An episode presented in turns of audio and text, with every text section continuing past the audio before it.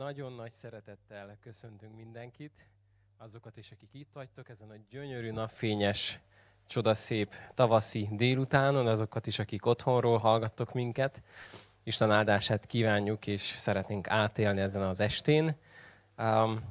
Kérjük ezt tőle, jó? Imádsággal kezdjük meg. Isten, nagyon hálás vagyok azért, hogy neked van szabad, nagyon köszönöm azt, hogy van jelenléted, amit nem akarsz megvonni tőlünk. Köszönöm, Atyám, hogy akik most úgy döntöttünk, hogy ezt az időt veled akarjuk tölteni, köszönjük, hogy ez nem rajtad fog múlni. Te kész vagy arra, hogy te most itt legyél, te szólj hozzánk, te beszélj hozzánk. Mi szeretnénk arra felkészülni, hogy meghallgassunk téged, hogy megüresítsük a gondolatainkat, hogy teret engedjünk az életünkben neked.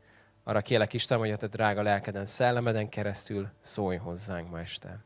Kértük ezt a fiad Jézus nevében. Amen.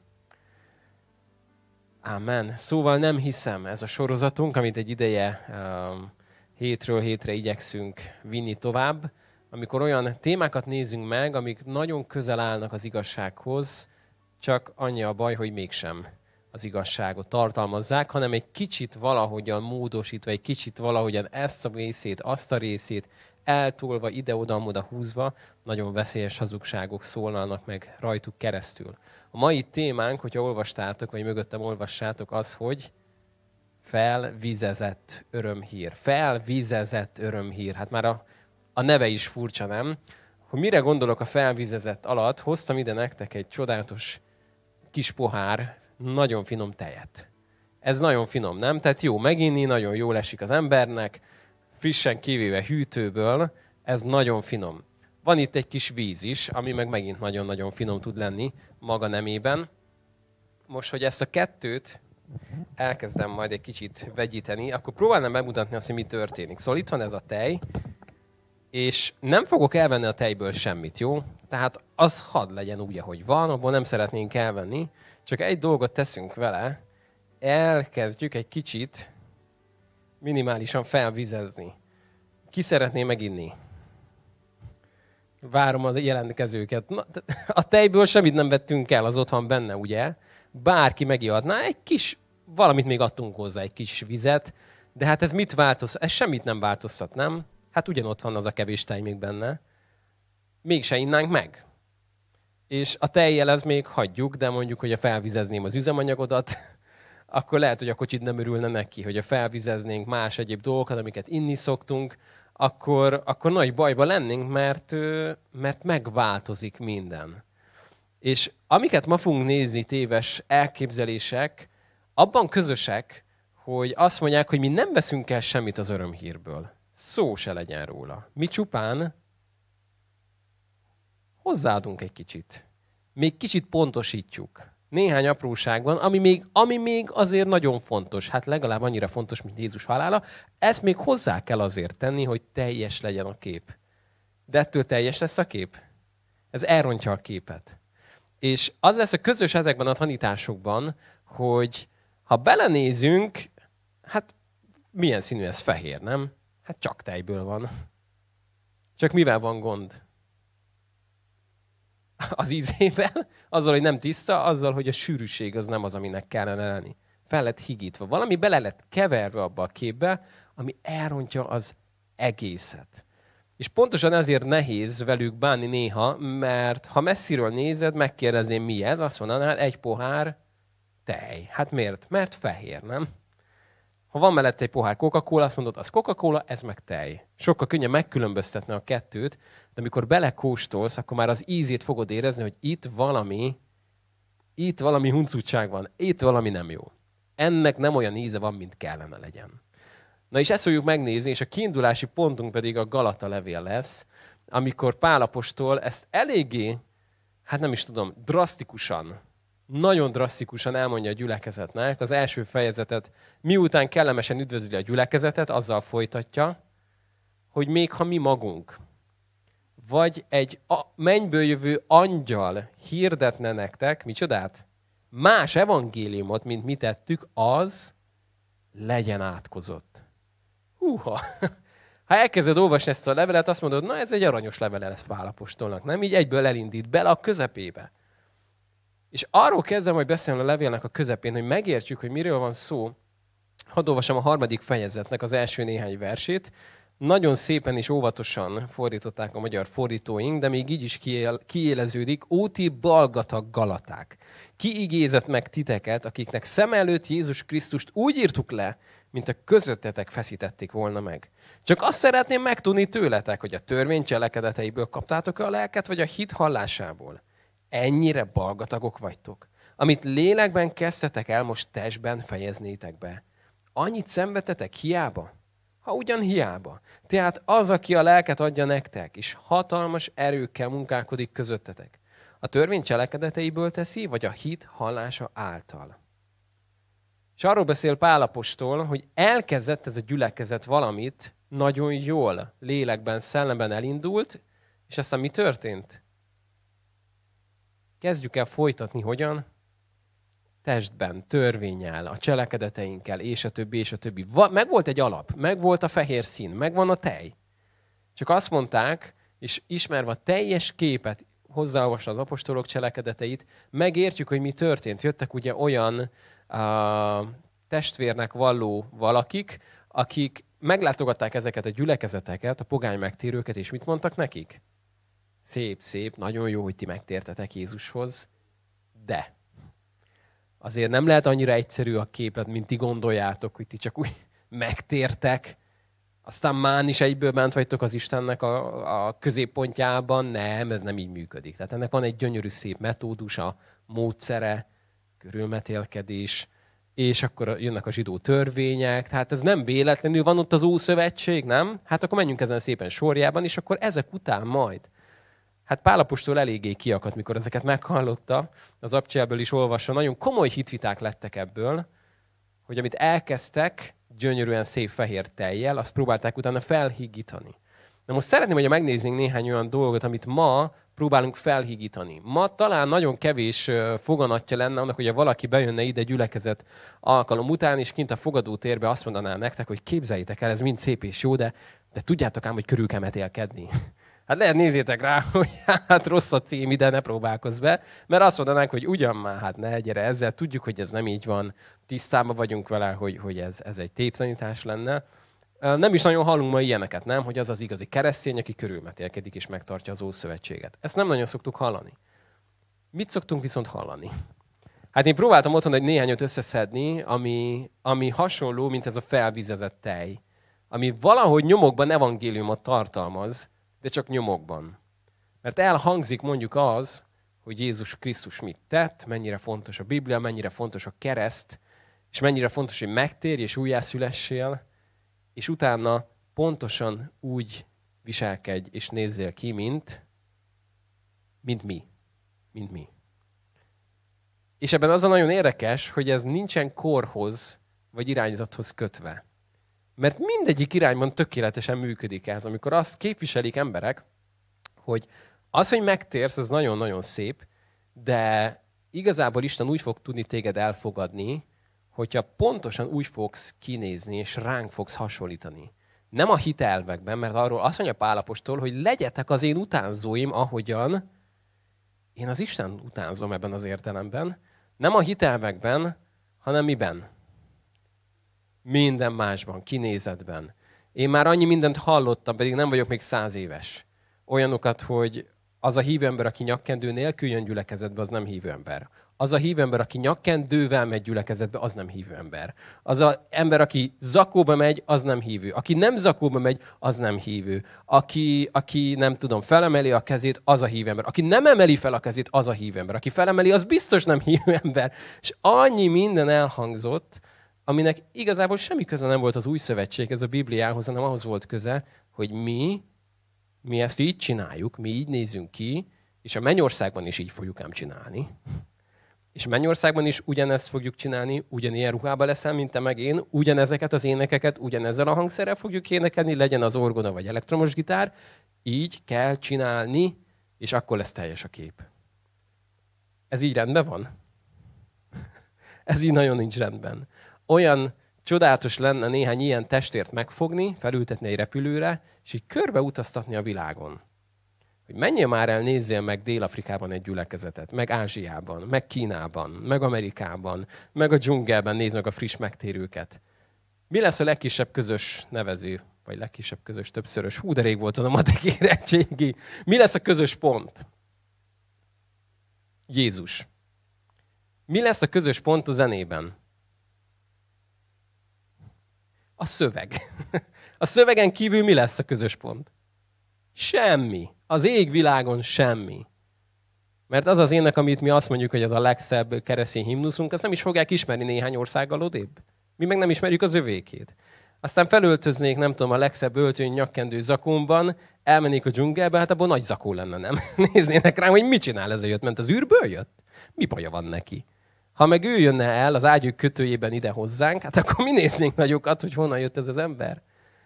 És megérteni azt, hogy vannak kulturális dolgok, amikkel semmi baj nincs, hogy te felveszed ezt, hogy felveszed azt, na de köze van a tejhez. Az örök életem függ tőle? Nem. El lehet mondani, hogy, hogy mit, miért és hogyan is neked az miért tetszik, meg és, és, és, de ide rakhatom a pohár mellé. Hogy nekem ez fontos, nekem meg ez fontos. És ez nagyon jó helyen van ott. De amikor elkezdem ezt belerakni a pohárba, na akkor történnek a problémák. És talán ezt még könnyebben ki, ki tudnánk szűrni az életünkben. De nézzük meg még néhány olyan dolgot, amik nagyon beszoktak jönni. Nemrég foglalkoztunk a hit és cselekedeteknek a témájával, ezért ezt most nem fogjuk megismételni, csak kicsit felfrissíteni, ugye, hogy hát az rendben van, hogy azt mondtad, hogy te hiszel, na de hogyha az életed nem követi olyan ütemben és olyan mértékben ezt, ahogyan én azt elvárom tőled, akkor te igazából nem is hiszel, ugye? És ezzel mi lehet a gond az én elvárásaim? Hogyha én olyanokat támasztok feléd, amit mondjuk nem látok beléd, mint az élő Isten, és nem tudom azt, hogy te éppen hol vagy, mit csinálsz, Isten hogyan dolgozik benned, és azt mondom neked, hogy hát ez így, akkor ez így nincs is jól. Kell, hogy legyen növekedés az életünkben. Minden téptanításnál megvan mind a két oldal, hogy azt mondanánk, hogy megtértél, és onnantól kezdve 60 év múlva is ugyanabban a hitbeli állapotodban leszel, az jó? Nem. Hát az nagyon nagy baj. Az óriási baj, nem? Mert azt mondja Pál Timóteusnak, hogy a te növekedésed az legyen nyilvánvalóvá mindenki előtt. Sőt, amikor azt mondja, hogy hát ennyi idő elteltével már tanítóknak kellene lennetek, ebbe benne van az, hogy idővel mi kell, hogy történjen velünk. Idővel fejlődünk, idővel növekszünk. Ehelyett sokszor idővel csak öregszünk, nem? Nem mindegy, hogy növekszünk vagy öregszünk, de tudunk öregedni, tudnak telni az évek felettünk. A növekedés az nem automatikus, annak kell történni Isten lelke szelleme által. Na de az ő, ő általa, az ő ütemében, és ezért nagyon fontos ezt látni, hogy amikor felcserélem a sorrendet, és azt mondom, hogy a cselekedeteken keresztül legyen az akár egy búcsú cédulának a megvétele, ami azért most elég nagy port kavarna, ugye mondjuk azért ez ki, de mással összekötve azt mondjuk, hogy akkor lesz örök életed, ha ezt, meg ezt, meg ezt megteszed, akkor látjuk, hogy megint a pohárba raktunk valamit, ami a pohár mellett kellene, hogy legyen. De, de megint egy kicsit tovább megyünk, mert azt mondjuk, hogy jó, hát ezt már mi értjük, ez nekünk már teljesen világos. Hát ebb, talán már nem esnénk bele ilyen, ilyen nagy uh, téptanításokba, de azt mondja Pál, ugye, hogy amit elkezdtetek lélekben, most akkor testben szeretnétek befejezni. Szóval volt egy jó indulás a gyülekezetnél, és aztán jött egy megállás. Miért? Azért, mert azt mondja Pál, hogy valaki mit csinált veletek? Megzavart, megigézett titeket. Mit, mi, mi lehet ez? Történt valami, jött valaki, hallottak valamit, ami megkavarta az embert, megzavarta. És azt se tudta már, merre van az éjszak, nem? Most akkor merre? Most akkor hogy? Volt már ilyen megzavarodottságunk a hív életünkben? Volt, bizony. Nagyon is. És azt mondom, hogy ez néha része az életünknek, hogy kicsit meg vagyunk zavarva, vagy akkor most, akkor most hogy is van ez? És akkor mihez kell ilyenkor nyúlni?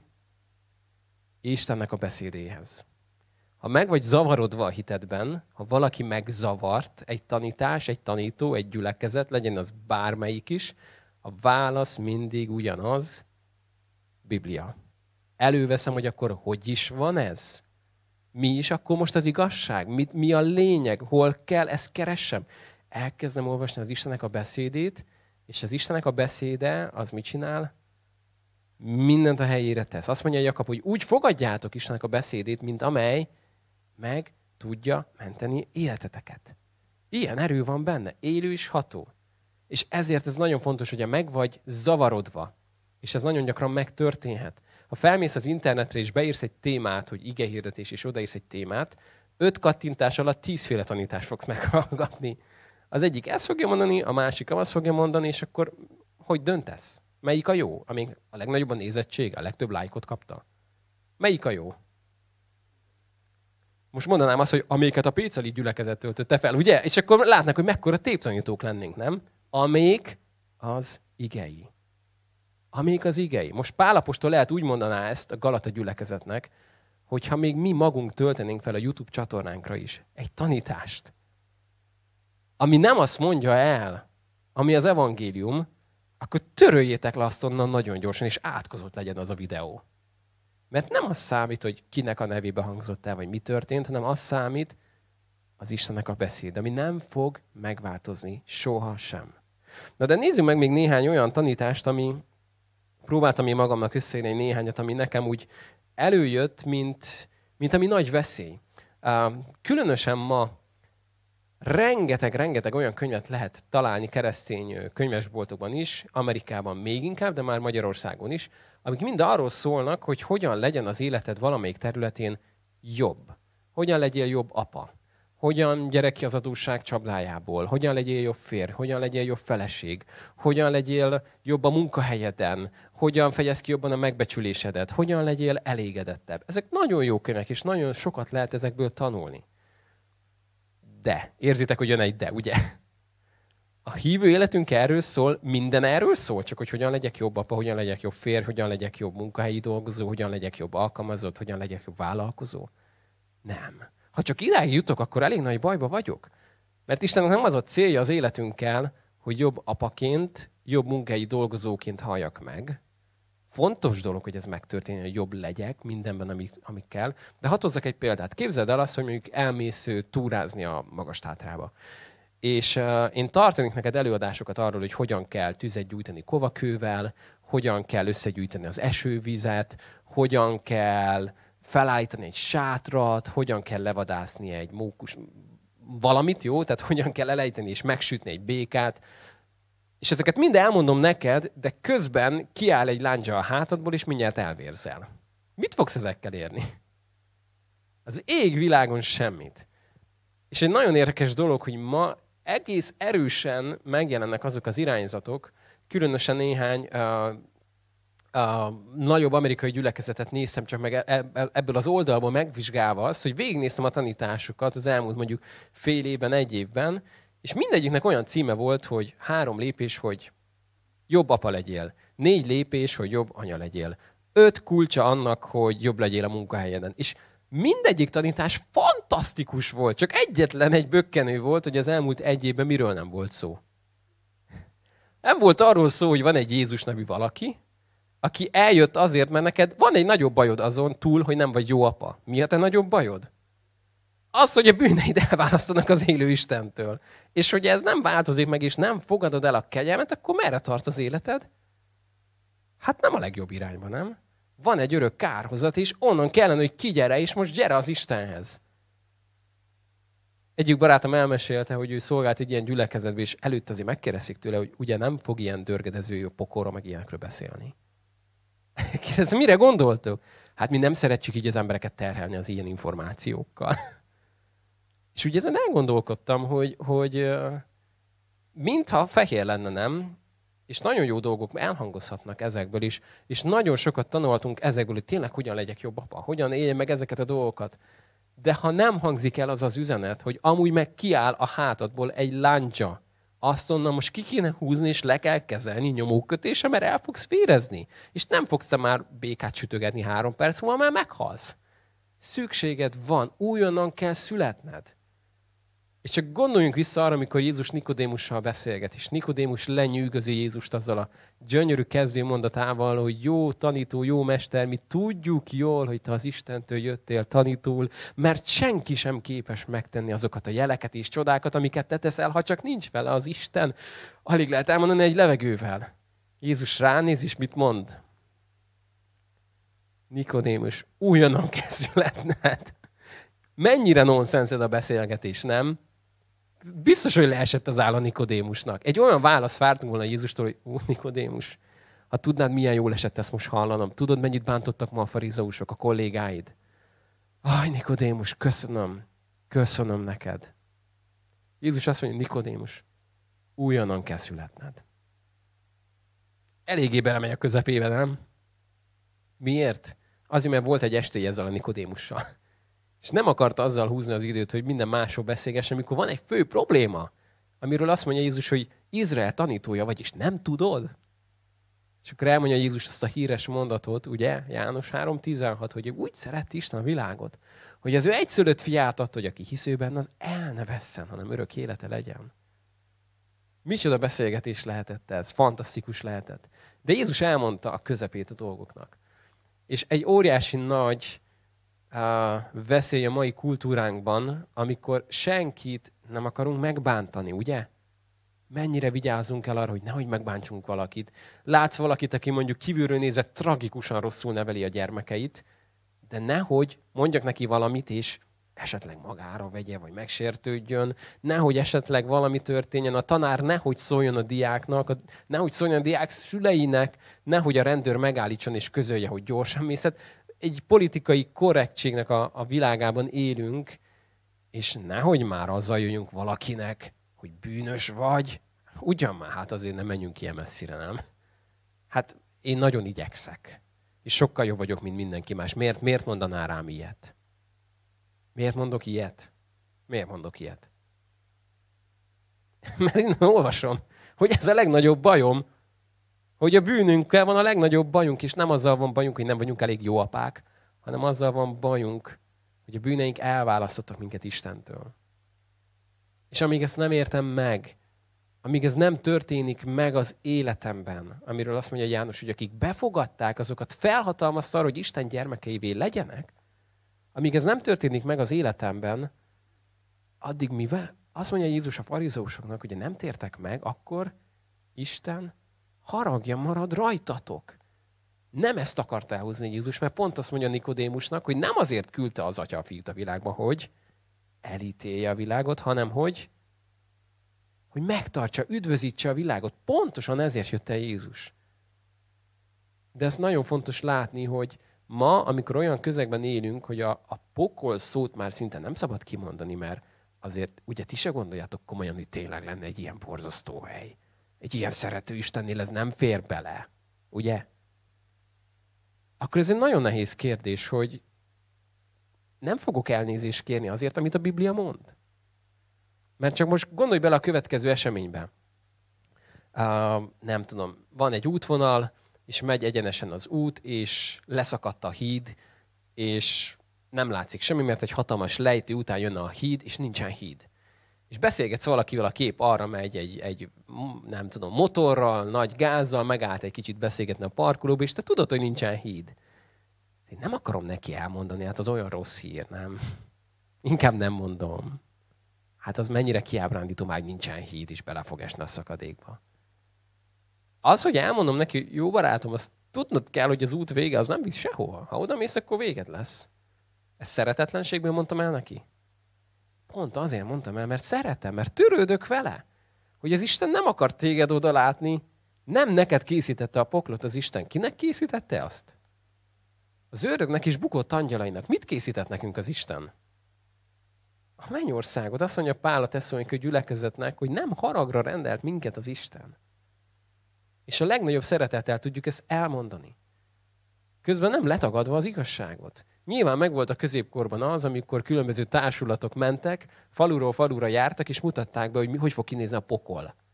Na most képzeld el, hogy ott élsz a faluban, soha nem történik semmi. Megjön a hatalmas szintársulat, és három napon keresztül mutatják be a különböző kínzásokat, démonnak öltözve be, hogy kit hogyan fognak kínozni a pokolban, aztán megkérdezik, hogy akar-e valaki megtérni. hát ő, nem tudom, hogy milyen motivációból emelték fel az emberek a kezüket. Tehát akarod, hogy örökké valóságban így kínozzanak? Nem. Nem. Ki akarná ezt, nem? És nem tudom, hogy mi volt a motivációjuk, de azt tudom, hogy azt mondja a Biblia, hogy Istennek a jósága megtérése ösztönöz. Tudva azt, hogy van pokol, és én is, mikor megtértem, tudtam róla, hogy van, és nem örültem neki, és bennem volt az, hogy nem szeretnék oda kerülni. De ami Istenhez hozott, az nem csupán a félelem volt, sőt, hanem Istennek a jósága. Ami körbevett, amikor megismertem őt. De attól még van. És ezeket fontos látni, hogy amit Isten belerakott ebbe a pohárba, azt én nem akarom onnan kivenni. Az ott benne van. Hogyha kiveszem, akkor ez már nem az a pohár lesz, nem? Hogy itt van egy telefonszám, 11 számjegy, ha az egyik számjegy nekem nem tetszik, mert olyan csúnya benne az a nyolcas. Kiveszem, de csak a nyolcast, a többi tízhez nem nyúltam. Mit csináltam akkor? Mindent elrontottam, nem? Nem fog működni a telefonszám. Valami hiányzik belőle. És ezért nagyon fontos a mai kereszténységnek nekünk megérteni azt, hogy a Biblia mettől meddig Istennek a beszéde. Két borító között. Elejétől végig az Istennek a beszéde. A legelejétől a legvégéig.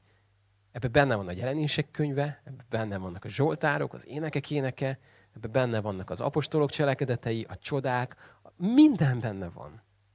És hogy én ezt akarom, akkor ez az all-in. Minden jön vele. Minden egyes dolog jön vele. És miért fontos ez? Mert tudnánk kiragadni igéket a Bibliából. És ez lesz az utolsó, amit ma megnézzünk, a felhigított, felvizezett örömhírről.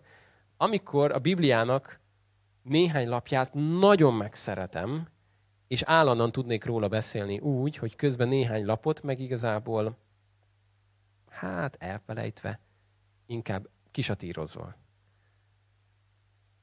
Beszélgettem már olyan hívő emberrel, aki elmondta, hogy neki van egy pár könyv, amit ő kitépne a Bibliából. Igazából lehet ki is fogom tépni. Az ott nem jó. Miért? Mert olyan dolgot mondott el, ami neki nem tetszett. És azt mondta, neki ez oda nem kell. Ő ezt nem is olvassa, sőt, szent az ott, az kuka. Na most ezzel egy baj van, hogy amikor elkezdünk kiragadni igeverseket a Bibliából, akkor nagyon nagy bajba leszünk. Például visszamenve a legelső téves tanításhoz, mikor elkezdenénk a törvényt bedarálni egymáson, és mondjuk oda megy valaki, egy, egy testvér, az, akinek egy nagy tetoválás van a kezén, és azt mondja, 3 Mózes 19. Ne végezz tetoválást magadon. Holtakért ne vagdaljátok magatokat. És azt mondja, hogy ez egy ige. Akkor kiragatunk egy igét, mert előtte meg olyat mond, a 3 Mózes 19, hogy egy mezőben ne vessél el kétféle magot, és ne viselj olyan ruhát, amely gyapjúból és lemből van. Hát akkor tetoválás miért ragad? Az miért működik még nem? Ha az összes többire azt mondjuk, hogy nem, hát ez, ez nyilván csak a zsidóknak volt, ez nekünk nem. Tehát a kétféle mag meg a gyapjúlen, hát mit kezdjek most ezzel? Értitek, amikor kiragadunk ige verseket, mit csinálunk? Akkor az egészet elrontjuk. És megvan az értelme annak, hogy miért nem lehetett mondjuk a gyapjúból és a lemből ruhát készíteni maguknak az embereknek. Mit gondoltok, miért nem lehetett? Hát, lehetett, mert készítettek belőle ruhát, de miért nem lehetett? Igazából működtek azok a ruhák, tehát nem az volt a baj, hogy nem illett össze a két anyag.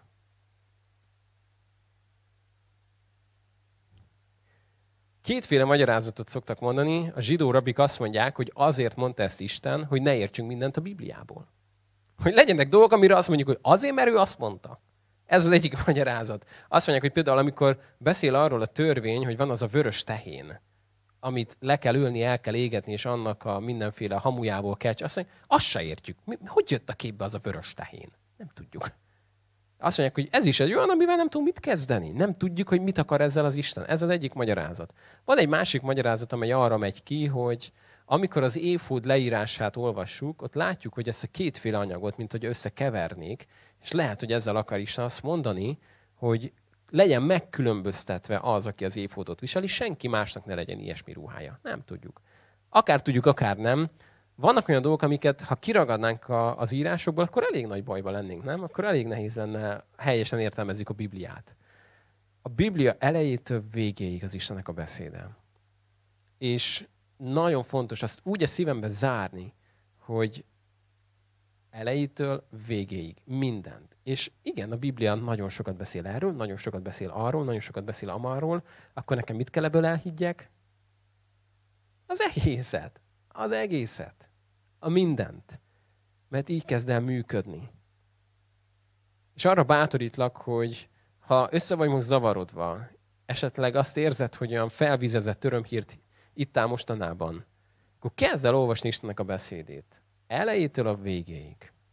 Kérdez, hogy ő magyarázza meg neked. Ő legyen az, aki, aki ott van veled, és, és kinyilatkoztatja neked. Mert ez a legizgalmas, amikor elkezdesz Bibliát olvasni, akkor kérd Isten lelkét szellemét, hogy kérlek, te illetted. Lehetne az, hogy most nekem meg elmagyarázod? Hogy úgy értsem, ahogy kell. Hogy értsem, hogy mit kell tennem, hogy ez mit üzen nekem. Hogy szólj hozzám. És a legjobb az egészben, hogy ő ezt szokta csinálni. Örömmel válaszol erre. És az elejétől a végéig. És hogy ezt elkezdem tenni, akkor a tej, tej marad. És amikor tejre van szükségem, akkor tejet fogok inni.